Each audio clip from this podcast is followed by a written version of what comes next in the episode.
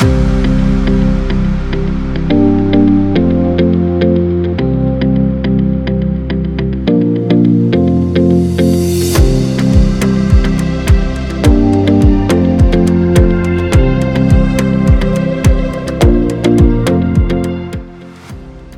שלום לכם, שומר סף מספר 97, אנחנו כבר מתקרבים ל-100, וכפי שצופי הפרקים האחרונים יודעים, אתם יכולים לרכוש את הספר המדהים הזה בהנחה בהוצאת סלע מאיר, אם יש לכם קופון של שומר סף, והקופון הזה הוא שומר, S-H-O-M-E-R, אתם מקלידים אותו כשאתם רוכשים את הספר ואתם מקבלים 20% הנחה, ועם זאת אתם יכולים לצפות בתוכנית גם בלי לרכוש את הספר, כי אנחנו לארג' איתכם. והפעם אני יותר מסתם שמח לארח את דוקטור מור אלטשולר. מור, שלום. שלום גדי. אנחנו, אנחנו מכירים מהתכסחויות בשעה שאני הייתי בשמאל ואת היית uh, הפלא השביעי שהוא אשת ימין אינטליגנטית, תמיד הייתה לנו אשת ימין אינטליגנטית שם, שזה מאוד קשה לשמאלנים, כי uh, הימין אמור להיות לא משכיל וטיפש ובבון. אה, ואת אה, חוקרת אה, היסטוריה יהודית ומחשבת ישראל וספרך האחרון, אולי תראי לנו אותו, לא פחות מחיי מרן יוסף קארו, לא בחרת לך איזה דמות מן השוליים חלילה. אז מה מחדש? בהוצאת הספרים של אוניברסיטת תל אביב, ניתן להם את הקרדיט. אנחנו התכנסנו כאן כדי לדבר, אני, אני אחזור לספר מיד, אבל רק אני אומר שהתכנסנו כאן לדבר על דבר מאוד מאוד מזעזע, ובעודי מהרהר באיך ומה ניגש אליו ואיך נדבר עליו, אמרתי, האם אני אתן כותרת לפרק הזה של שומר סף? האם אני יכול לתת לו כותרת, האם צה"ל הופך לעוד ארגון פרוגרסיבי של האליטה? לא, לא גדי, לא זאת הכותרת ולא זה המוקד. אני חושבת שהצופים כבר יכולים להבין שאני הולכת לדבר על uh, התקריות בגבול עזה, כולל התקרית שבה נהרג אה, בראל זכרו לברכה, ולטעון שהמוקד של כל הוויכוח הנוראי הזה שפרץ בין יהודים לבין יהודים, בין פרוגרסיבים לשמרנים, בין ימין לבין שמאל, זה לא המוקד, כי מה שקרה זה משהו אחר לחלוטין ואת זה צריך לדעת. אנחנו עם אחד, יש לנו אויב, על האויב הזה קוראים החמאס, ואנחנו צריכים לדעת איך החמאס פועל. ובמקום לריב בינינו, בואו נבין קודם כל איך פועל האויב הזה מולנו, שהוא אויב אכזרי מאוד, ערמומי מאוד ושפל מאוד. אם כן, אני, אני אומר את זה בפשטות, אמ, מקורות צבאיים מסוימים שהיו בשטח אבל לא השתתפו בלחימה, סיפרו ואמרו לי שהחמאס מביא ילדים בהסעות לאזור הגדרות. אני, אני מקריאה כאן כי אני רוצה להיות מאוד מאוד מדויקת. ובשלב מסוים פוקדים על הילדים האלה לרוץ אל הגדרות. וילדים שלא רצים לגדרות מקבלים מכות רצח. מסדרנים ש... ש... שזה תפקידם, זה לא, כן. לא כאילו כשהם חוזרים הביתה מישהו מעניש אותם, כאילו דוחפים כלומר, אותם לגדר על ידי זה שהם. חובטים בהם מכות, זה, זה, כן. את יודעת אם זה ידיים, מקלות, צריכים לי עליו. תשמע, אני, אני הסתכלתי אחר כך בכל ה... הלוא זו לא תקרית ראשונה וגם לצערנו לא תהיה אחרונה, ואני הסתכלתי בכל הצילומים מהתקריות, תמיד אתה רואה את הסדרנים כביכול, הם באפודים זוהרים, לפעמים רואים שיש להם אלות בידיים, והם כביכול עוצרים את הילדים והנשים מלרוץ אל הגדר ולמחות על פלסטין הכבושה וכל הסיסמאות האלה. אבל בפועל מה שלא חמאס, הרי החמאס שולט בכל התקשורת, הוא שולט בכל התמונות שיוצאות מכל התקריות האלה. מה שהחמאס לא מראה זה כאשר מרביצים להם מכות רצח ודוחפים אותם אל הגדר, את הילדים שלא רוצים לרוץ. זה... את זה החמאס לא מראה. אני, אני אגיד מילה על זה כי אני עסקתי בזה, כמו שאת יודעת, כי כן. שלחתי לך את המאמר בשיחתנו המקדימה, כן. כש, כשהתחילו uh, צעדות השיבה על הגדר, Uh, היו פה טענות כמובן בעיתונות הישראלית, בעיתונות של השמאל, שמיד משתפת פעולה עם הדבר הזה, שאנחנו הורגים ממש uh, ילדים. וזה היה על רקע כשאתה קצת uh, מברר, ואני נשענתי על אבו עלי אקספרס, מי שלא מנוי לטלגרם של אבו עלי אקספרס, פשוט זה, זה אחד המקורות שהכי טובים על העולם הערבי, והתקשורת הישראלית משקרת לכם בפרצוף כל הזמן, אז אתם פשוט לא יכולים לדעת מה, מה קורה. אבל אז הוא, הוא, הוא בדק את הטענות שיורים בילדים, והחמאס החמאס פרסם רשימה של ילדים, חלקם אה, על סף בגרות ממש, אה, או בכל אופן אה, נוער בגילאים מתקדמים, שכביכול צה"ל אה, רצח אותם ב, ב, בדם קר, ואבו עלי אקספרס אחר כך בדק ופשוט שם שם מצא שזה אנשים שהיו תצלומים שלהם במדים, הם שייכים לארגונים הצבאיים של החמאס, זאת אומרת זה היו חיילים שהחמאס מגייס בגיל 16 ואחר כך שולח אותם לעשות את הדבר הזה. שנית, אז כתבתי, מור, אני מיד אה, אה, אחזור אל הדוגמה הקונקרטית שלנו, אבל אז זה כל כך הרגיז אותי כי, כי, אה, כי הצדיקים של השמאל השמיצו את הצלפים. עכשיו הצלפים האלה זה ילדים בגיל צבא, בגיל 19, שנותנים להם את המשימה הנוראית באמת. זה ארגון שדוחף נשים וילדים לחזית, אתה צריך בתוך זה לתפוס את המחבלים ולירות בהם.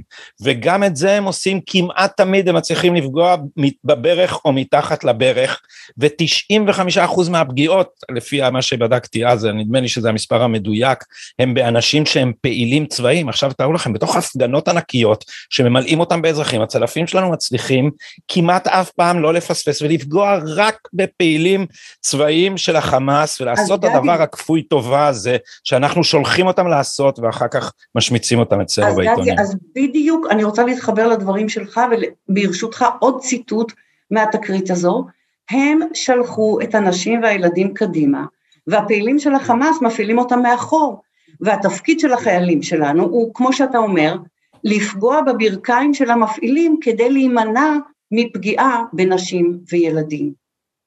זה, זו בדיוק הסיטואציה, ואני לא יכולה שלא לחשוב מה המראה האחרון שראה בראל, זיכרונו לברכה, השם ייקום דמו, במשקפת, בטלסקופ שלו.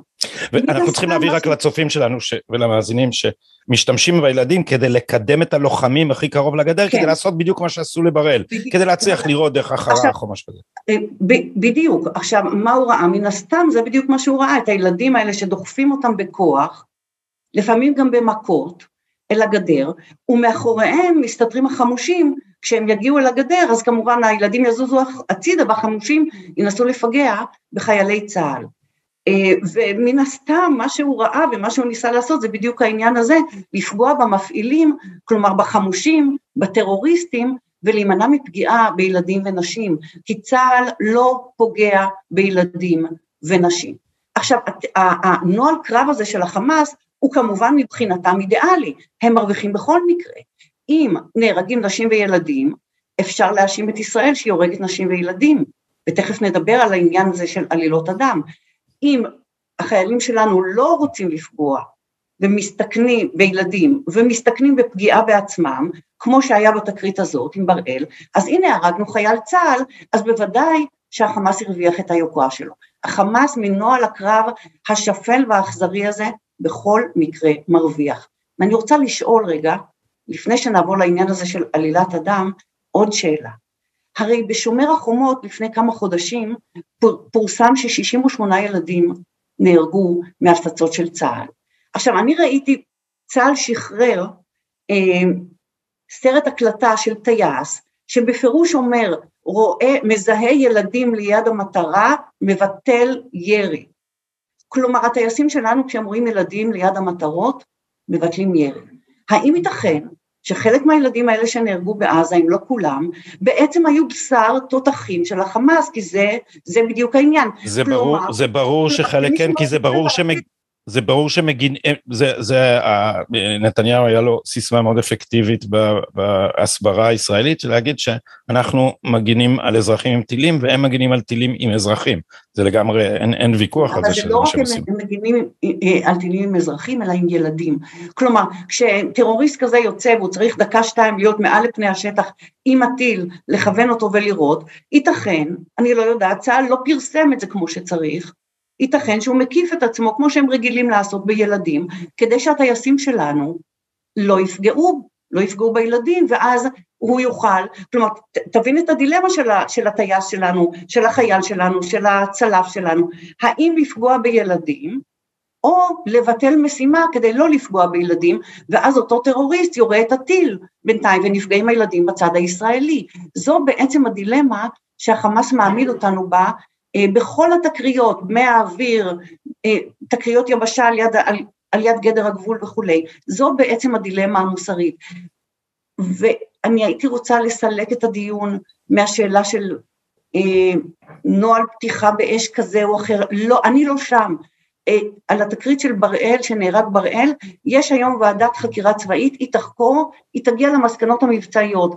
אני לא מדברת על העניין הזה, אני מדברת על נוהל הקרב המאוס והשפל של החמאס. אבל אני, אבל אני, אבל אני, אבל למה, למה, למה רציתי, שאלתי אותך על הכותרת שהצעתי? כי אחרי ששמעתי ממך לראשונה את, ה, את הפרטים האלה, עכשיו ממקור מהימן, שאת יודעת, את סומכת עליו שהוא מהימן בתוך צה"ל, אמ, איך זה שצה"ל לא מצלם ומפיץ את זה לכל מקום? אם, אם אוקיי. בצה"ל יודעים את זה, אז איזה מין, איזה מין, או אה, שלומיאליות אה, שלא תיאמן, או אה, פשוט ניסיון לגונן על איזה תזה שיש פרטנר, או אני לא יודע מה, כי המשרד הביטחוני הישראלי ספוג כולו באסכולת אוסלו שלא מצליחים להשתחרר ממנה. תראה גדי, אתה מוכן להגיד דברים מסוימים שאני לא מוכנה לומר, לא רוצה לומר את הדברים האלה על הממסד הצה"לי, יש לי הרבה כבוד לאנשי הצבא. אין לי מושג למה צה"ל לא מפרסם את המידע הזה, אין לי מושג למה לא שמים שם בשטח צלמים שיצלמו, הרי שוב, חמאס שולט במידע שיוצא מעזה. שימו צלמים שהם מצלמים והם מראים מה קורה שם, ופרסמו את זה בכל העולם. אין לי מושג למה צה"ל לא עושה את זה. אני לא יודעת, הנה אני מעלה את השאלה, אדרבה יבוא צה"ל ויאמר, מדוע אין לו צילומים עצמאיים שלו מכל התקריות האלה. דבר אחד ברור לי, החמאס מנגן כאן על עלילת הדם האנטישמית המתועבת ביותר, והיא עלילת הדם שהיהודים הורגים ילדים בני דת אחרת. האנטישמיות השפלה והאפלה התפתחה, ניזונה ופרחה על עלילת הדם הזו, שהיהודים הורגים ילדים בני דת אחרת. ועל זה החמאס בונה ומהאנטישמיות הזו הוא ניזון, והוא מצית עכשיו עוד אלף שנה של אנטישמיות נגד מדינת ישראל, מדינת היהודים, שהנה היהודים הורגים ילדים. וזה יושב כל כך חזק, גם באירופה שיש בה מגמות של שנאת ישראל, בכיסוי של שמאל פרוגרסיבי, גם בארצות הברית, זה יושב כל כך חזק על, על עלילת הדם האנטישמית הזו, שזה ממש מזעזע. בתקרית שבעקבותיה כתבתי אז את המאמר על הצלפים שהתפרסם אה, בהארץ, הייתה תקרית של הילדה לילה גנדור, אה, רנדור, אה, נדמה לי מבטאים את שמה, ילדה בת שנה וחצי, שבניו יורק טיימס פרסמו שישראל, שהיא, הייתה ליד הגדר וישראל הרגה אותה ברימון גז מדמיע או בגז לפיזור הפגנות. אה, שזה התחיל את כל העסק, שקר שבנו אותו, אם, אני לא יודע אם ראית את התמונה, היא הייתה אז נורא מפורסמת, בנו אותו כן. ממש כן. כמו תמונה מ, מ, מכנסייה, ממש, זה, זה הילדה, בדיוק, האימא של לילה גנדור מחזיקה אותה ככה, והנה לך ישו בהריסה בבית לחם, והנה היהודים הורגים את ישו. עכשיו הדבר הזה פורסם בניו יורק טיימס, כל המערב קנה אותו, ואפילו החמאס הבין שאי אפשר להגן על זה ומחקו אותה מרשימת השהידים. אחר כך הסתבר, זה, מרחו שם סיפור, הסיפור הוא, תראי, אני, אני אגיד לך למה זה כל כך מעניין אותי, כי כש, כשמספרים עלילה כזאת, על היהודים זה נדבק, ועל הערבים זה לא נדבק בכלל. עכשיו כשאני אומר לא נדבק בכלל, אני, אני מתכוון בין השאר למה שנקרא הגזענות של הציפיות הנמוכות, the soft bigotry of low expectations, זה הם פרימיטיביים, לא כועסים עליהם, קצת ילדים, לא יודעים מה הם עושים או משהו כזה, כן, כן. וגם, ה, וגם פשוט על האנטישמיות שלהם מותר, אז, אז מה עולה, הסיפור שסיפרו פה, אמרו איך כי אתה אומר לעצמך, הילדה הזאת הייתה ליד הגדר, ילדה בת שנה וחצי, יש מהומות ליד הגדר, הפגנות, צלפים, מי זה האידיוט שמביא את הילדה לזה, או, או הברברי האכזרי שמקריב את הילדה שלו כדי, אולי בכוונה, כדי, כדי, כדי להעליל עלילת דם, ואז היה סיפור שאימא שלה בכלל לא התכוונה להביא אותה לשם, אימא שלה בת 17 או משהו כזה, היא, אבל האימא רצתה ללכת לעודד מרחוק, אבל בסוף היה לה כאב שיניים. אבל אז חשבו, אז היא לא הלכה, אבל הדוד של הילדה, שהוא בן 12, חשב שהאימא שם, אז הוא לקח את הילדה, תינוקת בת שנה וחצי, והביא אותה לשם. עכשיו הדוד הוא בן 12, זאת אומרת, מסיעים ילדים בני 12 להפגנות האלה, וכל זה כדי לספר סיפור למה זה בסדר שתינוקת הגיעה לשם.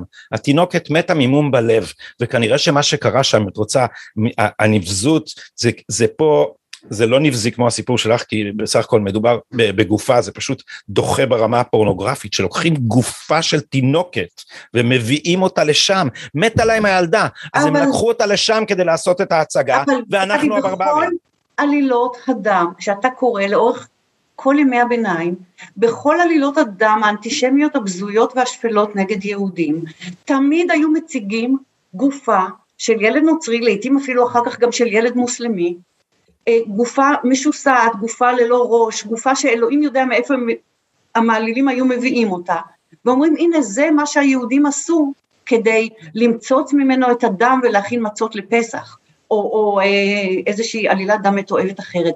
זאת בדיוק התבנית, כך פועלת עלילת דם, תמיד הביאס קורפוס, הביאו את הגופה, תמיד יש איזושהי גופה מדממת של ילד או ילדה אומללים, שהם כביכול ההוכחה. אז אני רוצה לומר כאן, לזעוק כאן בקול רם, החמאס משתמש בילדי עזה כבשר תותחים. לא, הילדים האלה הם לא שהידים, כמו שגדעון לוי קרא לילד שנהרג על יד הגדר, הוא השהיד האמיתי, הגיבור האמיתי. הם ילדים אומללים שהחמאס משתמש בהם כבשר תותחים. ואני את זה אני לא יודעת, אבל אני אומרת בהשערה, זה אף פעם לא הילדים של פעילי החמאס, זה תמיד ילדים של מישהו אחר. זה נשים של מישהו אחר, זה ילדים של מישהו אחר, זה אף פעם לא הילדים שלהם. והם עושים את זה באופן שיטתי, וזה לא פעם ראשונה שהם מפעילים את הנוהל קרב הזה, ילדים כבשר תותחים, וכנראה גם לא פעם אחרונה. וכמו שאתה אומר, אנחנו כדי להילחם, צריכים קודם כל לדעת שזה קיים, שהתופעה הזאת קיימת. את יכולה לומר עוד משהו על התצפית אה, של המקור? את אומרת שזה מקור שלא מעורב בלחימה, אבל זה, זה, זה כן אה, מישהו שראה במו עיניו. כן.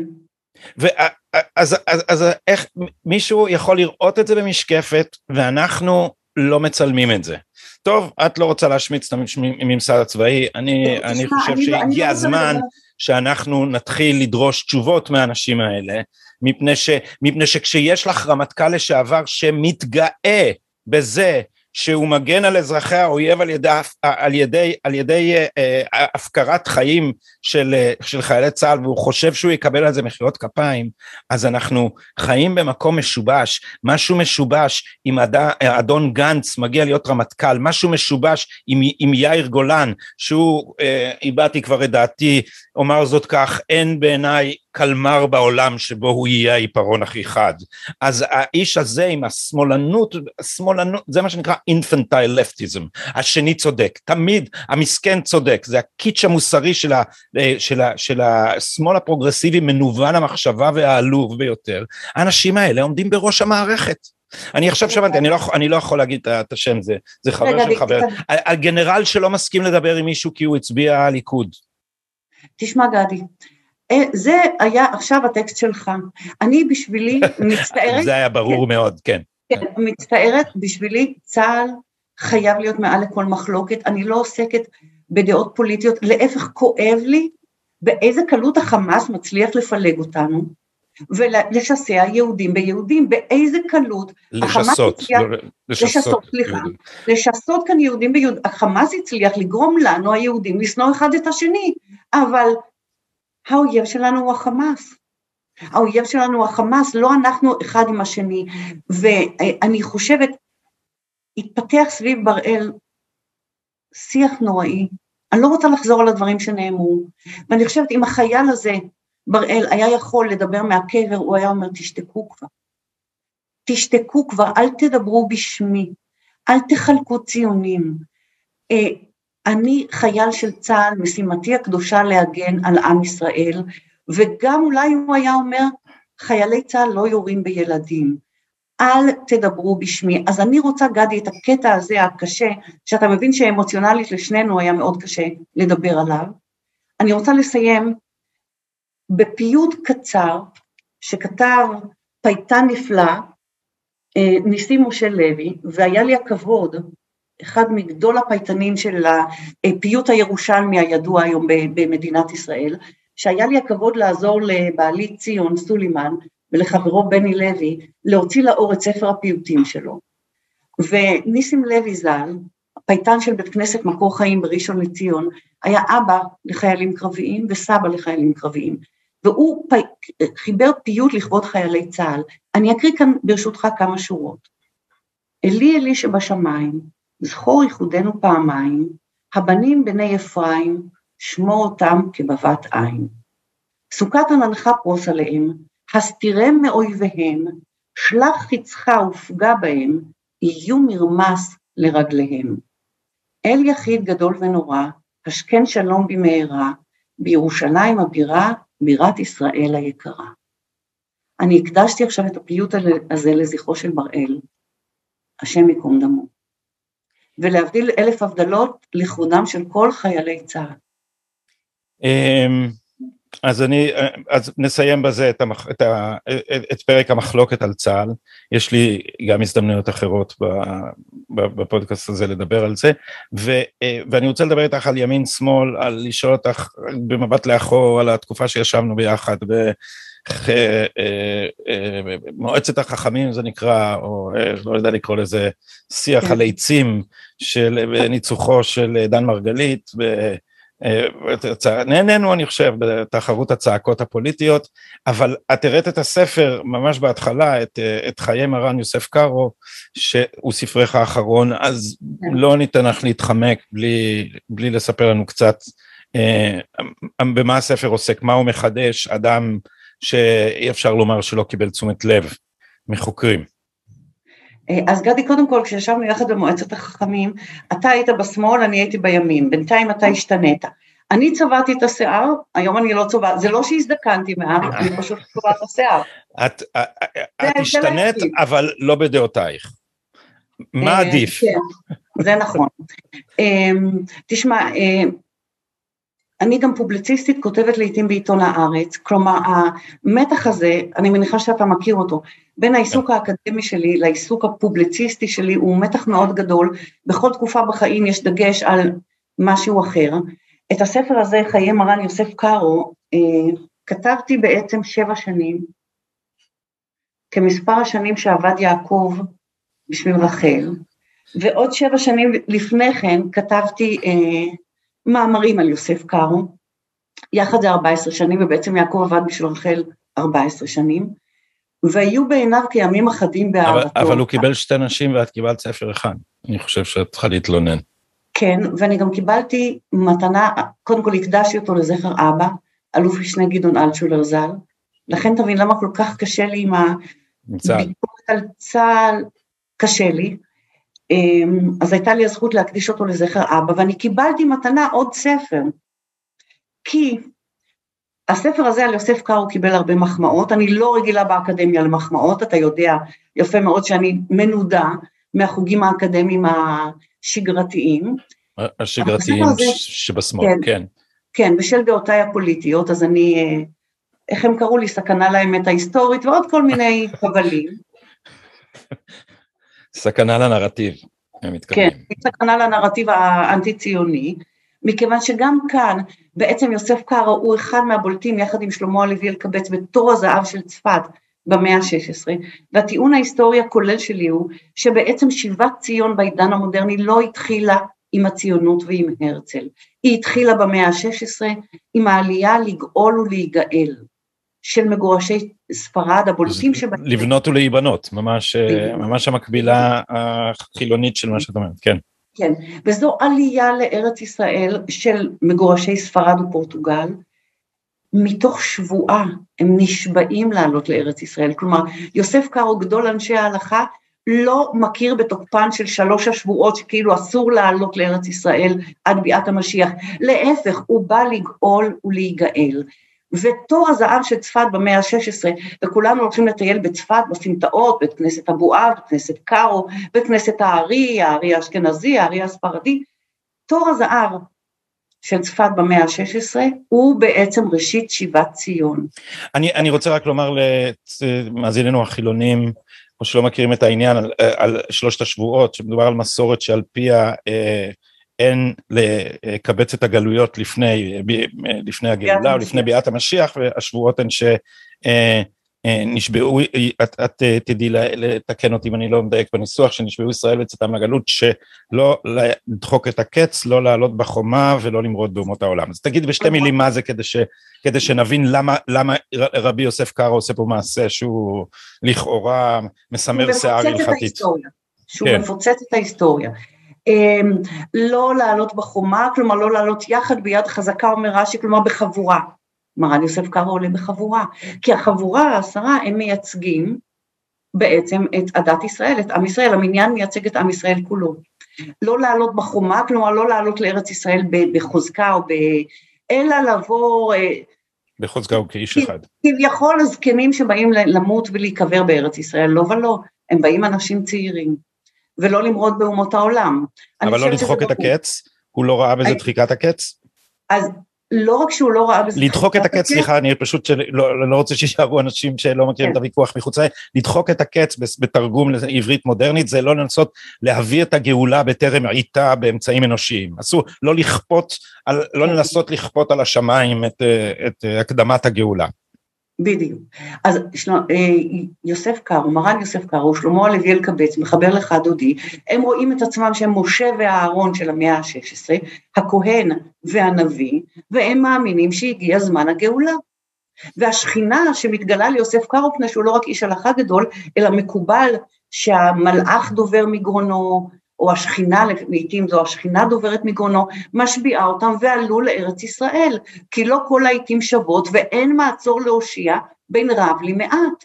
כלומר, כבר במאה ה-16 יש לנו טקסט מכונן של גדול המחוקקים, שעולה לארץ ישראל מתוך שבועה, במטרה לגאול ולהיגאל, לגאול את השכינה כנסת ישראל מגלותה ולהיגאל מגלותם, והם נגאלים מגלותם. וזה 400 שנה לפני הרצל. אז, אז כל יש... הזמן אומרת, אה, גדי עוד משפט, כן. אני כל הזמן אומרת, היו לנו שני גואלים גדולים, שני מנהיגים דגולים, זה משה רבנו בתחילת ההיסטוריה שלנו, בנימין זאב הרצל בתחילת העידן המודרני, וביניהם מרן יוסף קר.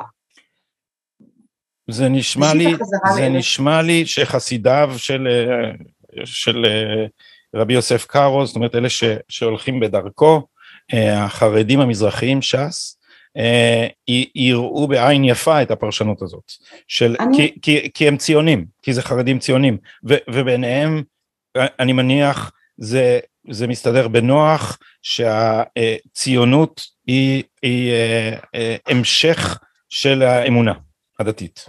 תראה, בוא נגיד ככה, עד שאני אומרת, אה, מזכירה את הרצל בשלישייה הדגולה הזאת, של משה רבנו, מרן יוסף קארו והרצל, שם כבר הדעות חלוקות, אבל אה, בעלי האורפלי, ציון סולימן האורפלי, המזרחי, בית הכנסת שלו, אני הזכרתי אותו כבר, מקור חיים בראשון לציון, שהוא בית כנסת הספרדי הראשון במושבות העלייה הראשונה, כי האורפלים הגיעו קצת אחרי האלשולרים, ב-1895, והגיעו לראשון לציון כפועלים ביקב שלה, אה, שהקים אז הברון רוטשילד, וליקב צריך היה גם אנשים שיודעים לעבוד וגם אה, שומרי שבת, ולכן הם הגיעו להתיישב בראשון.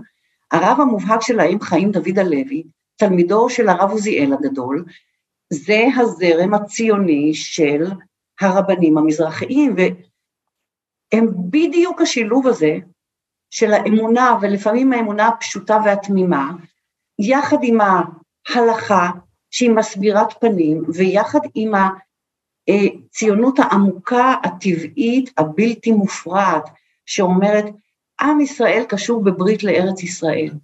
אנחנו לא מקיימים בגולה את תרי"ג מצוות אם לא קיימנו את העלייה לארץ ישראל, ואת הציונות, ואת ההתיישבות בארץ ישראל, ואת החיים היהודיים בארץ ישראל. חבל, לפי... חבל, חבל שהרב עוזיאל והממשיך שלו, הרב חיים דוד הלוי, הם לא היום ה... הזרם השולט. אבל מה שמאפיין את החרדיות, ובוודאי את החרדיות האשכנזית, היא הפרדה בין הפוליטיקה לאמונה, הפרדה קוטבית, כל אחד בדרכו הם מחרימים ברמה כזאת או אחרת, משתפים פעולה ברמה כזאת או אחרת, חצי ציונים, משלימים עם הציונות, א-ציונים, אה, ועד בקצה אנטי ציונים, ואת אומרת אבל, אבל, אבל רבי יוסף קארו ראה בעלייתו לארץ ישראל את תחילת הגאולה, אז עכשיו, אז, אז עכשיו בדבר הזה הוא דומה יותר נגיד לרב קוק מבלי כל הדיאלקטיקה והציונות החילונית וכל זה כי זה עוד לא אנחנו מדברים על לפני אה, עידן ההשכלה אז כל הדבר כל השאלה הזאת לא רלוונטית היא בטח, היא בטח לא רלוונטית אבל היא בטח לא רלוונטית במזרח ש, שתנועת ההשכלה לא יצרה שם כן. את, את הסכיזמה הזאת אבל אה, אה, אה, איפה אה, אנחנו אה, עם מי היית מזהה את, ה, את ההשקפה הזאת היום עם, איזה, איזה, הציונות הדתית יותר, שהיא בכלל אשכנזית ובאה ממקום אחר, כי, כי, כי אה, אה, לא ידוע לי, אבל לא ידוע לי שש"ס רואה בציונות חלק מהגאולה. אה, רבי, הרב עובדיה, כן. זה לצערי הרב, זה, לצע, זה לצערי הרב. אבל אני, אני, גדי, אני היסטוריונית, ומה לעשות, אני יש לי אה, תמיד איזה אינסנטיב היסטוריוני כזה, שאסור לעשות אנכרוניזם. לא ניקח ונשליך מההווה היום, מהמגמות היום בישראל, למה שהיה במאה ה-16, אלא נראה את הרצף ואת ההתפתחות ההיסטורית, זה מבחינתי הרבה יותר חשוב. לא שאלה מי היום, אלא להבין ששיבת ציון היא לא תהליך זר של יהודים אירופאים מנותקים מן היהדות, אה, אה, וכל אה, שבאו הנה בגלל קולוניאליזם או לאומנות, או ראו את הלאומיות במזרח אירופה מתעוררת, או עכשיו, היום זה מאוד אופנתי להגיד שהציונות היא לא רק גזענית, היא גם קולוניאליסטית, בלה בלה בלה, בלי בלי בלי, אלא נראה שתהליך שיבת ציון, שהוא נמשך מאות שנים, מן המאה ה-16 ועד המאה ה-20, לקח לו 400 שנה עד שהוא הצליח, הוא תהליך אינהרנטי פנימי של העם היהודי. אבל את עושה אנכרוניזם מסוג אחר, אני יודעת. מה אני עושה? אה, אה, מפני, ש, מפני שאת מתארת את הדבר הזה כרצף, בגלל זה שאלתי אותך על התפקיד של הגאולה ואיפה את מוצאת אותו היום. מפני שאם אנחנו עוקבים אחרי התפתחות מחשבתו של הרצל, היא לא יצאה מעיון ברבי יוסף קארו, וזה לא אותו זרם. אז, אז זאת אומרת, כשאת אומרת, יש לי סימפתיה לטיעון הזה, מפני שאני חושב שיש רמת עומק, יש רמת עומק של קשר בין עם למולדת, ש, שבמסגרתה ברמה, יש רמת הפשטה שבה בן גוריון החילוני הקיצוני בתודעתו העצמית רואה בתנ"ך את הקושאן שלנו על ארץ ישראל. למה? מפני שמה שרבי יוסף קארו יקרא לו אמונה, אה, אנשים שגדלו אחרי בן גוריון, אה, כמו בן גוריון, אחרי כל הדילוגים והדיאלקטיקה מהמרקסיזם שלו שקדם עוד להגל, הפכו את מה יש להם במקום אלוהים את ההיסטוריה. ואז בעיני בן גוריון התנ"ך הוא, הוא, הוא למה הוא, הוא זכותנו על ארץ ישראל לא בגלל שיש בו הבטחה אלוהית אלא בגלל שהוא המסמך ההיסטורי המתאר את העובדה שבארץ ישראל קם העם היהודי בזה שיש פה קשר היסטורי. אז עכשיו תעני אני לא פה גם ידיעותיי בדברים האלה לא הם, הם ברמת קורא העיתון לעומת לעומת ידיעותייך המקצועיות. אבל אני כן אשאל אותך את השאלה את השאלה איך את רואה קשר היסטורי בין רבי יוסף קארו שעולה במניין מטעמים שתחושתו היא שהגאולה הדתית מגיעה והנה ייגאל לעולם לבין uh, סוציאליסט חילוני כמו בן גוריון או ליברל אירופי מסוגו של uh, הרצל ש... או, או סוצ... לא יודע הרצל בין ליברל לסוציאל דמוקרט שחושב שזה פתרון מעשי להגשמת זכותו של העם היהודי להגדרה עצמית. אז גדי, התשובה שלי תהיה קצת ארוכה וקצת מפותלת. בבקשה, יש לך, פה, בשביל זה אנחנו פה. השבוע, חול המועד סוכות, הייתה לי הכבוד לארח כאן את דוקטור יצחק וייס, שכתב את הספר הרצל קריאה חדשה, ממליצה לכולם, הוא מראה את השורשים היהודים של הרצל, ואיך הרצל בעצם פועל בתבנית של משה רבנו. תבנית, על התבנית של מגלות לגאולה שיסודה במשה רבנו. הזיהוי בין השניים האלה, שהם שניהם באים מחוץ לעם היהודי, מתעוררים בעקבות עלילת דם, עלילת דם, אצל הרצל זה דרייפוס, אצל משה רבנו זה, אתה זוכר את המצרי שהורג יהודי, מתעוררים לגאול את העם שלהם, אה, אוכלים הרבה חצץ מהעם הזה בתהליך הגאולה, ובסופו של דבר לא זוכים להיכנס לארץ ישראל ולא זוכים לראות את הגאולה במו עיניהם, זה ממש דפוס של שני המנהיגים האלה. אז קודם כל הרצל פעל בתוך תבנית יהודית, ואני סיפרתי כאן לדוקטור וייס, שסבא שלי, יצחק זאב אלטשולר ז"ל, היה אחד משישה עשר, פרשי הרצל שקידמו את פניו של הרצל ב-1898 בביקורו במושבה רחובות. אז מבחינתי, כן, ומבחינתי הרצל הוא, הוא המשיח שלנו, זאת אומרת, אבל עכשיו לעצם העניין, לעצם העניין, בלי להיגרר כאן למשיחיות, כי אני היסטוריונית, אני חיה בהיסטוריה, לא בעולם המשיחי. כתבתי פעם מאמר, ואמרתי, מה ההבדל בין לגאול ולהיגאל לבין לבנות ולהיבנות? יש גם הבדלים, אסור לשכוח אותם. זה דפוס דתי משיחי, זה דפוס ציוני חילוני. יש הבדלים, למשל, לגאול או להיגאל הם מבקשים את האישור מן השמיים, שהאל ייתן להם אישור שהגיע את הגאולה. הרצל בפעולה המדינית שלו מבקש את האישור של אומות העולם, הוא רוצה את הסכמת אומות העולם לחזרת היהודים לארץ ישראל, נכון? הוא ממיר את ההסכמה האלוהית בהסכמה של אומות העולם. לגאול או להיגאל במידה מסוימת, אה, סומכים על הנס. לבנות ולהיבנות אומרים אנחנו נתחיל מלמטה, אנחנו צריכים לספק לעצמנו מזון, אנחנו צריכים לספק לעצמנו הגנה עצמית, אנחנו צריכים לבנות את הריבונות מלמטה, כדי שאנחנו נוכל לשרוד כאן. אז יש בוודאי הבדלים, אבל חייבים לראות את החוט המקשר, הן התנועות המשיחיות הקדם-ציוניות, ואגב העליות המשיחיות התחילו במאה ה-16, אבל הן נמשכו כחוט עד שלהי המאה ה-19.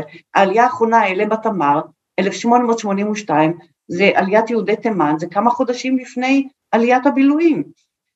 העליות האלה, צריך לראות את החוט המקשר, הרעיון שרק בארץ ישראל יוכל, יוכל העם היהודי לקום לתחייה, ולא משנה כרגע אם זו התחייה דתית או תחייה לאומית, אין הרבה הבדל ביהדות, רק כאן עם ריבונות יהודית אנחנו נוכל לקום לתחייה ולזכות ברגע של פריחה, זה הרעיון המכונן בעצם של הציונות ושל התנועות, תנועות העלייה לארץ ישראל שקדמו לציונות. היחס לארץ ישראל לא השתנה, גם כשהכלים המעשיים לבטא את היחס הזה אל ארץ ישראל השתנה, בוא נגיד בין יוסף קארו לבין בנימין זאב הרצל. אז יש שינוי, אני לא כופרת בשינוי, אבל צריך לראות גם את החוט המקשר. והחוט המקשר, היית מייחסת... בזה אתה מסכים איתי? אני, אני, מסכים, אני מסכים איתך ברמת ההפשטה שבה דיברתי, ברמה הזאת שבכל האנשים האלה יש הכרה, אה, הייתי אומר בשני דברים, באחד בקשר בין עם ישראל לבין מולדתו. אני קוראת לזה ברית, ברית. ברית, ושנית, הציונים לא בטוח היו קוראים לזה אה, ברית, אבל לא כולם היו עוינים למושג הזה.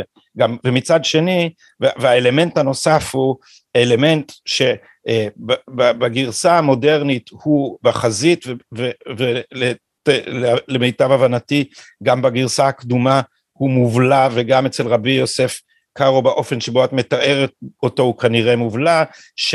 אה, אה, תראה, אני, אני אומר, זה לא איזה המצאה גאונית בעקבות, בעיקר הרדר, אני אומר שהלאומיות היא האמצעי שהיא הדבר שמאפשר לאנשים להיות עצמם. באיזה מובן? זה מאפשר להם במובן של, שאתה יכול להיות אותו דבר באוהלך ובצאתך.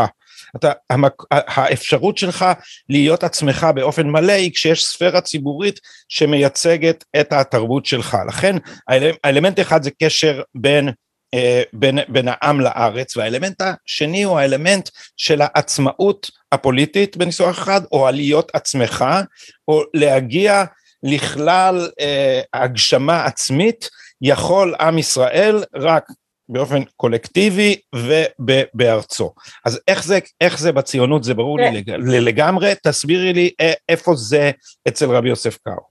תשמע, מה שמדהים הוא, ואני הקדשתי לזה פרק חשוב על חיי החומר של צפת, אה, צפת במאה ה-16, יש בה מסחר, יש בה תעשייה, יש בה חקלאות, כל ההיבטים של חיי החומר מקוימים בצפת כהתיישבות מעשית ביותר. מעשית ביותר. יושבים בצפת בערך 20 אלף יהודים, זה אחת הקהילות היהודיות, בוא נגיד הבינוניות, גדולות ברחבי העולם היהודי במאה ה-16. כלומר, הם נותנים את דעתם על כל ההיבטים החומריים. מה שאין להם, זה אין להם צבא ואין להם יכולת. שני דברים אין להם. אחד, הזכות לרכוש אדמות, הם יכולים רק לחקור אותם, וזה מפני שהטורקים אז בשיא כוחם, זה ימי סולימן המפואר, הסולטן העות'מאני, הטורקים לא נותנים ליהודים לקנות אדמות, גם דונה גרסיה, היא רק יכולה לחקור אדמות בטבריה, זה בדיוק התקופה של דונה גרסיה, כן? ניסיון ההתעשלות של היהודים בטבריה, היא יכולה לחקור אדמות, היא לא יכולה לקנות, זה אחד. שתיים, כמובן שאין ליהודים יכולת להגנה עצמית. ואלה, וזה המפתח, לרכוש אדמות ויכולת הגנה עצמית ויכולת ייצור המזון, זה התאפשר רק עם קריסת האימפריה העות'מאנית בשלהי המאה ה-19, והיהודים ניצלו את ההזדמנות הזאת, והרצל ראה את ההזדמנות הזאת, ולכן הוא, הוא מציע לסולטן אגב לקנות את כל האדמות של ארץ ישראל. אלה הם ההבדלים, אבל אלה הם ההבדלים ההיסטוריים תלויי נסיבות היסטוריות. אז אני, אני שוב... המקשר הוא בלתי ניתק. אז, אז עכשיו אני אציע לך אה, מבט על הציונות הדתית ובעיקר עם מה שקורה עכשיו אה, עם אותו חלק אה, מנוון מתוכה שלא מתחרט שהוא הצביע בנט, זאת אומרת אותו חלק שמלכתחילה הצביע בנט, רגע מאור, רגע מאור, אני, אני אגיד על זה משהו. אני בעיניי, בעיניי יש פה משהו מהותי ואני אנסה להעיר אותו במונחים שלנו. אם הציונות היא בו זמנית קשר של עם לארצו וגם השאיפה לעצמאות, עצמאות לאומית, האפשרות להיות עצמך, להיות באוהלך ובצאתך, אותו דבר, כל מה, ש, כל מה שאמרתי. לדבר עברית, לדבר עברית. לדבר עברית, זה, זה מעניין שאת אומרת, כי את יודעת, אני מספר, אני, אני, אני מלמד על הנושאים האלה, אז כשאני אומר לתלמידים, אני רוצה להסביר את זה באופן מוחשי, אני מצטט אה, איזה אישה זקנה, ניצולת שואה, ש, שראיתי את... אה, את דבריה, הקרינו אה, באיזה כנס אה, עדויות, עשו שלב השאלה הזהה, כמו איזה דבר מטופש במיוחד, שאלו שאלה מטופשת, כל, שאלו שורה של ניצולי שואה, מה היה הרגע המאושר ביותר בשבילך בסוף המלחמה? איזה, באמת, זו שאלה כאילו, איזה צבע אתה הכי אוהב? מה, איזה, שחררו אותנו מאושוויץ, מה אתה חושב שהרגע הכי מאושר היה? אז, אז, אה, והאישה אחת זקנה אמרה, כשהגעתי לאוניית הפלה, וראיתי שלט מעל הכניסה מעל הפשפש, הכניסה לאונייה, שהיה כתוב עליו בעברית כניסה. וה, והמראיין לא הבין על מה היא מדברת, אמר רגע, רגע, שחררו אותך מאושוויץ, אם אני זוכר נכון את הפרטים, כי אה, אה, שחררו אותך מאושוויץ והגעת לאוניית ההפלה והגעת לארץ ישראל, אז הדבר הכי מרגש היה שראית שלט מעל הדלת לאונייה שכתוב שם הכניסה, והיא אמרה לו, לא, אתה לא מבין, אני אף פעם לא ראיתי אותיות עבריות בגודל כזה. עכשיו אני אומר לך שאני ישבתי שם בקהל, אני ישבתי עוין, כי זה היה כנס שקראו לו ציונות ושואה, ואני איך הדבר הזה שהציונות היא תגובה לשואה, כאילו לא יודעים אפילו את הסדר העניינים. אז מין דבר, ואז אני יושב, אני מקשיב לדבר הזה, ואני ממש לרגע קפא לי אדם בכיסא, כי אני יכול לדמיין את אבא שלי במרכז אירופה בתקופה הזאת, שהוא לא ראה בחיים שלו שלט עם אותיות עבריות גדולות. עכשיו, כשאתה חושב על המשל הקטן הזה, הוא אומר, מה שלוקח לי שני שיעורים להסביר, שזה זכות ההגדרה העצמית, של יהודי באוהלך ואדם בצאתך, ספירה ציבורית בשפתה, היא לא, לא היה לה דבר כזה, והיא אמרה אחרי זה, היא אמרה, אתה לא, אותיות עבריות זה דבר קטן, מסתירים את זה, קוראים את זה מתחת לשולחן, אז בעיניה זה פשוט, פיזית, התופעה של אות עברית גדולה, זה, זה הדהים אותה. אז האלמנט הזה של להיות עם חופשי בארצו, לא רק קשר בין העם לארץ, אלא חופשי.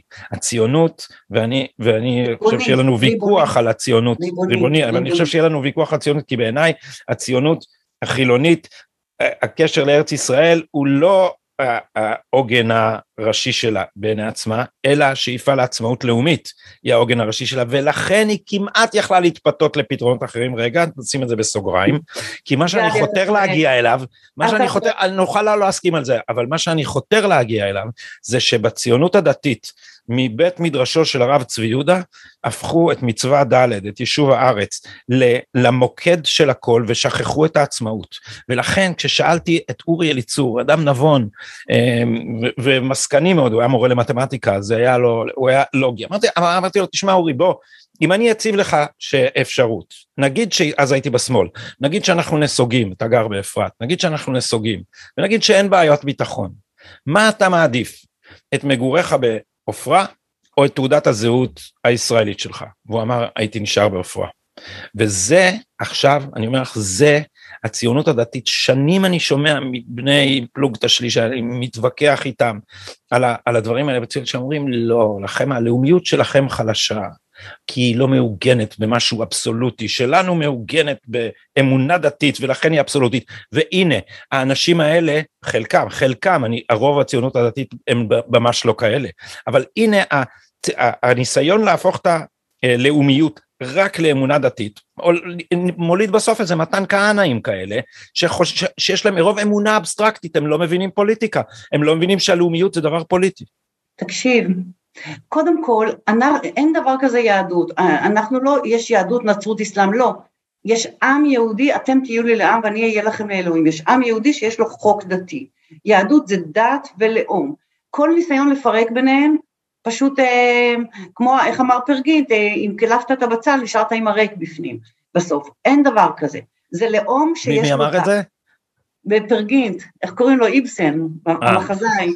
לא, לא הכרתי את זה יפה. זה היה לי מורה, פרופסור בן שלמה, תמיד אמר, אה, פרגינט, פרגינט, אתם לא זוכרים בפרגינט, אם קלפת את הבצל, נשארת בסוף עם החום. אז אי אפשר. אבל אתה, גדי, כאן לקראת סוף השיחה שלנו, מחזיר אותי אל הפוליטיקה העכשווית. אני חטפתי את שוק חיי כשראיתי את דניאלה וייס, ותיקת ההתיישבות ביהודה ושומרון, באה לחזק את ידיה של איילת שקד ביום השבעת הממשלה אה, החדשה בכנסת. אז הנה אני אומר, לה... הנה ההסבר מור, זה ההסבר, בבקשה. לא, לא, כן. לא, לא, תקשיב, והיא באה לחזק את ידיה ולדבר על אביתר. אה, ש, שברור שאביתר לא תקום, היא לא תקום ב, ב, ב, בתקופה של ימינה. אה, עד שיגמרו שם את סקר הקרקעות יעברו ארבע שנים, היא לא תקום אביתר. הסתכלתי על דניאלה וייס, ואז אמרתי, רגע, וייס, ישראל הראל, כל הוותיקים האלה עוד של גוש המונים, אתם הפלתם את ביבי ב-1998, ואתם קיבלתם במקום זה, אה, סליחה, כן, קיבלתם במקום זה את אהוד ברק, עם האינתיפאדה השנייה ועם הנסיגה מלבנון, ואחר כך את שרון עם הנסיגה מעזה, ואחר כך את אולמרט, ועשרים שנה לקח לנו לבטל את התוצאות הגרועות של זה שאתם, אתם, אתם, הימין האידיאולוגי הדתי הלאומי, הפלתם את ביבי בפעם הראשונה. דניאלה וייס, למה את עושה את זה שוב? כי הם לא מבינים מה זה לאומיות. פעם אחת זה טעות, פעם שנייה זה טמטום. את לא מבינה מה את הולכת לקבל, את הולכת לקבל ממשלת שמאל באיזה כסות כזאת של כאילו ימין, שייקח לנו שנים לתקן את נזקיה. איפה האחריות הלאומית שלך, גברת וייס, דניאלה וייס? אני לא יודעת אם היא רואה את הבלוג שלך. אז למה, אז למה, היא התראיינה אצלי פה בתוכנית. שלך, אני רוצה לשמוע ממנה תשובה. איפה האחריות הלאומית שלך? את לא מבינה שאת המחיר את תשלמי וההתיישבות ביהודה ושומרון תשלם? אז, אז אולי ההסבר שאני מציע נכון, שהאנשים האלה שעשו סובלימציה דתית ללאומיות הפוליטית היא כל כך מופשטת אצלם שכש... ניצבים האינטרסים הלאומיים מול האף שלהם, הם לא רואים אותם. ולמה, אני, אני אתן הסבר יותר פשוט לזה. הם טהרנים דתיים שלא מוכנים שום דבר חוץ מאשר אור הגאולה הזורח שלהם, ולכן האנשים האלה, אני מזכיר לך, הם התנגדו לתוכנית טראמפ. ואני הסתובבתי, אנחנו יכולנו להכיל ריבונות בבקעה, אידיוטים, יכולנו להכיל ריבונות בבקעה אם הייתם מבינים שתוכנית טראמפ זה לקרוא להכלת הריבונות תוכנית שלום. הרי הפלסטינים לא יסכימו יסכימו לקבל 30 אחוז, הם לא יסכימו לקבל 70 אחוז, הם לא יסכימו לקבל 120 אחוז, הם לא יסכימו לקבל שום דבר פחות מחורבננו, אז אנחנו יכולים לקחת, אבל לא. כי הם בעולם הטהור שלהם, והגאולה הלאומית השלמה היא רק ארץ ישראל השלמה הזורחת בשלמותה, ולכן ביבי הוא האויב, כי ביבי לא פינה את ח'אן אל-אחמר. אז, אז, אז, אז את, אתם לא מסוגלים לראות פוליטיקה מתחת לאף שלכם, ועכשיו בבקשה, תפנו את ח'אן אל-אחמר עם מנסור עבאס, שיהיה לכם בהצלחה. אה, אה, תשמע גדי, אמ, מה, ש, מה שאתה נותן לו כל מיני הסברים כאילו פילוסופיים או אידיאולוגיים, אני רואה בעניין הזה אגו אישי, נקמנות אישית, אה, המון תככים שיש במחנה הדתי-לאומי, כמו שיש במחנות אחרים, והרבה הולכת אה, שולל והונאה מצד חברי ימינה וכולי וכולי. ולצערי הרב, הרי, הרי גוש אמונים, מה אמרו עליו, אני מספיק זקנה עם שערי הלבן, לזכור מה אמרו עליו בשנות ה-70 וה-80, אתה היית אז תינוק בעריסה שאימא שלך נתנה לך בננה. לא נגזים, לא, הייתי, בת... אני, אני התגייסתי ב-83. אז כן, יענו תינוק בעריסה. בקיצור, אני לא מוכן שתדברי ככה על צה"ל, מור. שהם כל כך, אנשי גוש אמונים, הם משופשפים פוליטית והם ערמומיים והם שועלים פוליטיים ומצליחים להיכנס בסדק שבין מפלגת אז העבודה או המערך שהיה אז לבין הליכוד ולהשיג מאלה ולהשיג מאלה, הם נחשבו לאומני הלהטוטים הפוליטיים ולפעמים מרוב קומבינות בן אדם מקמבן את עצמו. דניאלה וייס בכנסת תומכת באיילת שקד, גברת וייס קימבנת את עצמך. תפסת מרובה לא תפסת, זה בעצם מה שאתה אמרת. חשבת תרוויחי הכל, את תפסידי גם את מה שיש לך. וכשאני ראיתי את הבן, תסלח לי, של חנן פורת, שהוא היום מזכיר של אה, כפר עציון, קיבוץ כפר עציון, מברך על הממשלה הזאת. ועוד לא עברו חודשיים והולכים בלב גוש עציון להקים להם התנחלות פלסטינית. איפה אתה אדם לא חכם, מר, לא זוכרת מה שמו, בנו של חנן פורת. איפה השכל הישר? אה, זה, זאת הסיבה שעד היום אני מעריץ של בן גוריון, שעם כל רבו חסרונותיו היה בן אדם עם תפיסת מציאות בהירה מאין כמוה ויכולת להבדיל בין עיקר לטפל, שלכל הטהרנים האלה פשוט אין, ואני אגיד לך איפה אני ראיתי את זה, לא על בן גוריון, שיחה נפרדת. רגע, דדי, אני חייבת לומר לך כן. משהו. כן. בסוף עם כל החזרה בתשובה ימינה נשארת מפאיניק. זה במובן מסוים זה נכון. כן. אני, אני, את, את כן. האליטות, את האליטות, את האליטות יורשות מפאי, לא, אני, אני לא סתם מתגאה בזה, כי המפאי שאני מכיר זה סבתי חלוצה. זאת אומרת, היא עשתה, היא גרה באוהל ועשתה חצץ, אז לא יספרו לה על זה שהיא שמאל לא לאומי או מנוון או משהו כזה. ואבא שלי היה... אה, היה אה, מזכ"ל אה, בנק ישראל תחת דוד הורוביץ, אה, כשפנחס ספיר היה שר אוצר, אה, אה, אה, עבד עם אנשי הדור ההוא, וכשהליכוד עלה ערפו את ראשו והוא לא הסכים לעזוב את הסקטור הציבורי.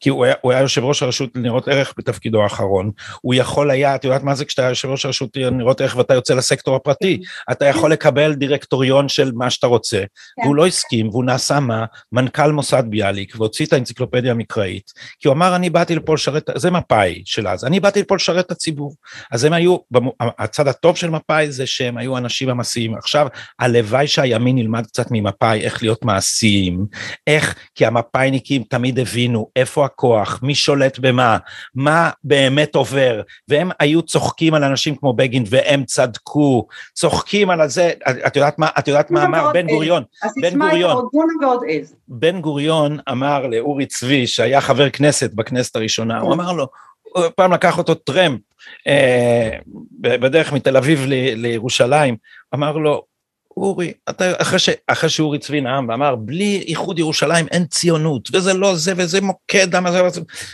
לו, אתה יודע, אורי, אצלנו במפא"י לא מאמינים בדקלרציות.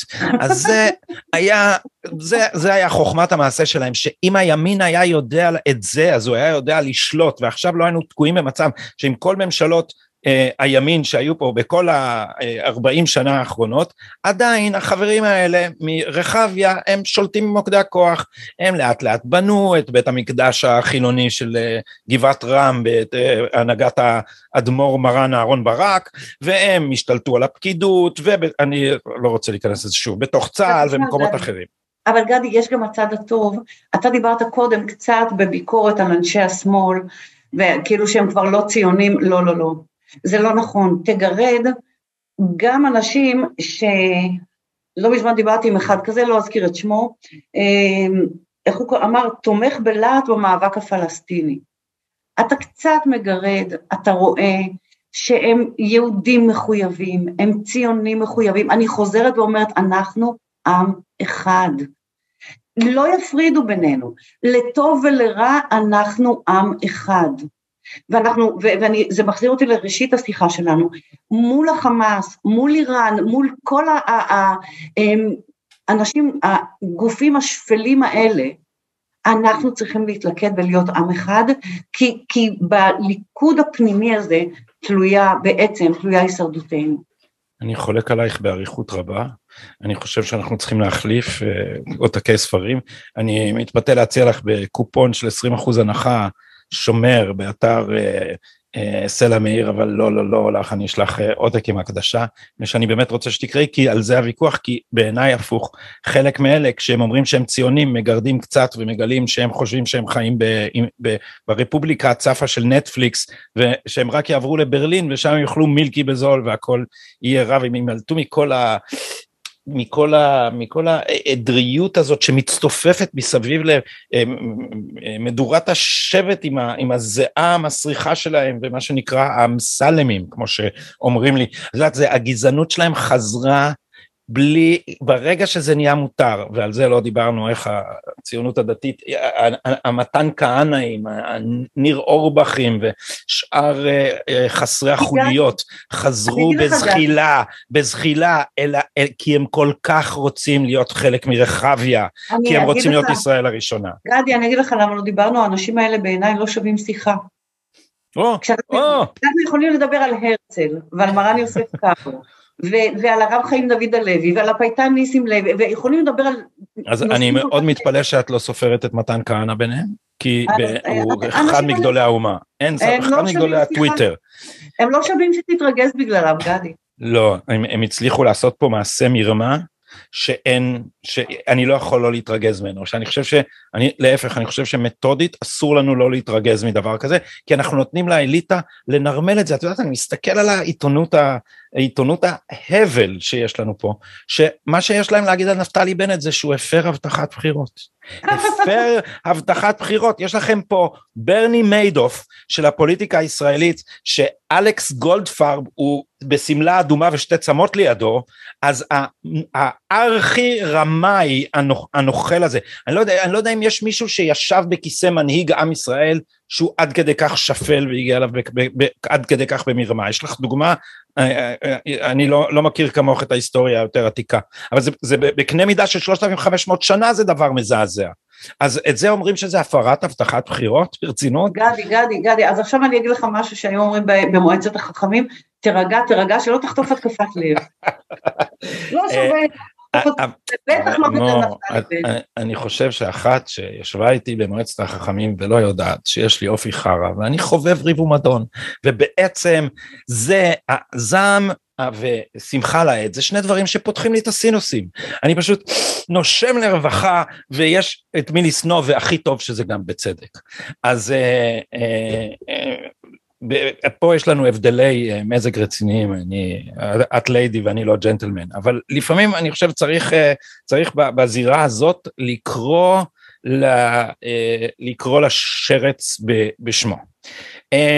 מה לא הספקנו לדבר לפני שאנחנו הולכים, רציתי להגיד עוד משהו ואולי לשמוע את תגובתך בהמשך לשיחתנו על הציונות הדתית, שאני חושב שאני זיהיתי את החולשה כש... התחלתי להשתתף בהפגנות אה, נגד הפוטש המכונה משפט נתניהו והסרוגים לא באים, לא באים. פעם אחת הופיע מי? הרב טאו, הרב סדן הופיע פעם אחת, הרב יגאל לוינשטיין הופיע כמה פעמים, איש יקר, הרב טאו הופיע פעם אחת ב, אה, ב, בראש חבורה מתלמידיו, כמו זה, דפקו הופעה והלכו, אבל הפגינו זה, אבל בסך הכל לא הצלחנו לגייס את הציונות הדתית כמעט בכלל. מה את אומרת על זה? למה? אמ, אני חושבת ש... להגיד לך את האמת, גדי, אני לא עקבתי כל כך, ולכן אני הייתי בהלם הנוראי הזה, כשראיתי, אתם עושים טעות פטאלית, כאילו כשהם לא הצביעו נתניהו ופתאום הבנתי, אני, אני, אני בדיעבד, אבל זו חוכמה בדיעבד, אני חושבת ש"וישמן ישורון ויבעט". הציונות הדתית כל כך התרגלה להיות אה, בעצם אה, בראש, גם מבחינה פוליטית, ולהנהיג ולקבל כל מה שהם רוצים וככה. אה, אני לא אדבר עכשיו על הטעויות של נתניהו, שהקיף את עצמו באנשי הציונות הדתית. הלוא הם הפילו אותך ב-98, מה אתה מקיף את עצמך בהם? מה זה?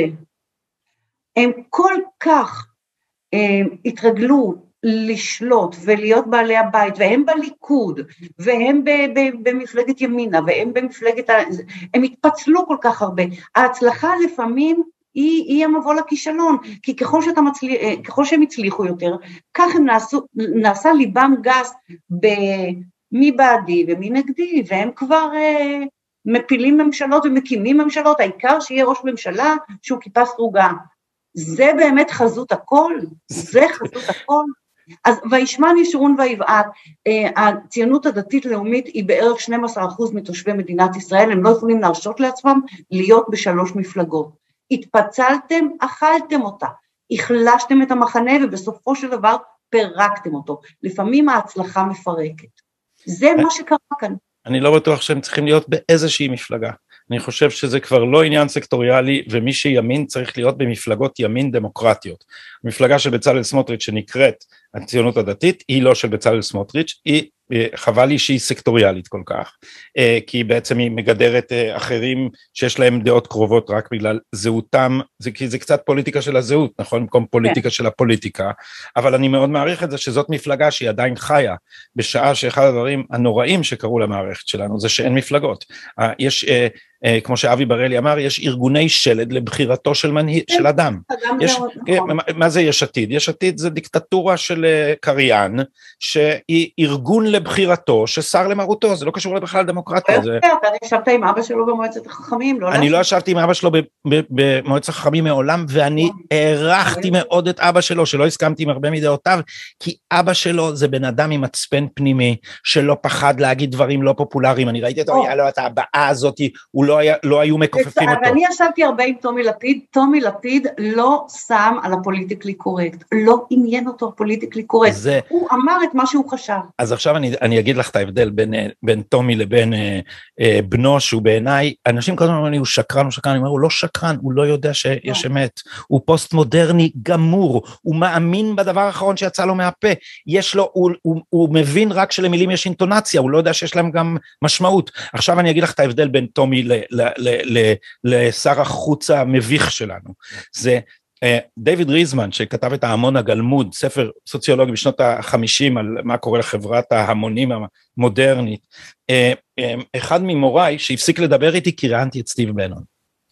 וכתב עליי השמצות אחר כך, זה טוד גיטלין, שהיה בראשות SDS בשנות ה-60, אז אצלו אני למדתי על זה ב-independent study, ממש ישבתי איתו, זה היה תענוג.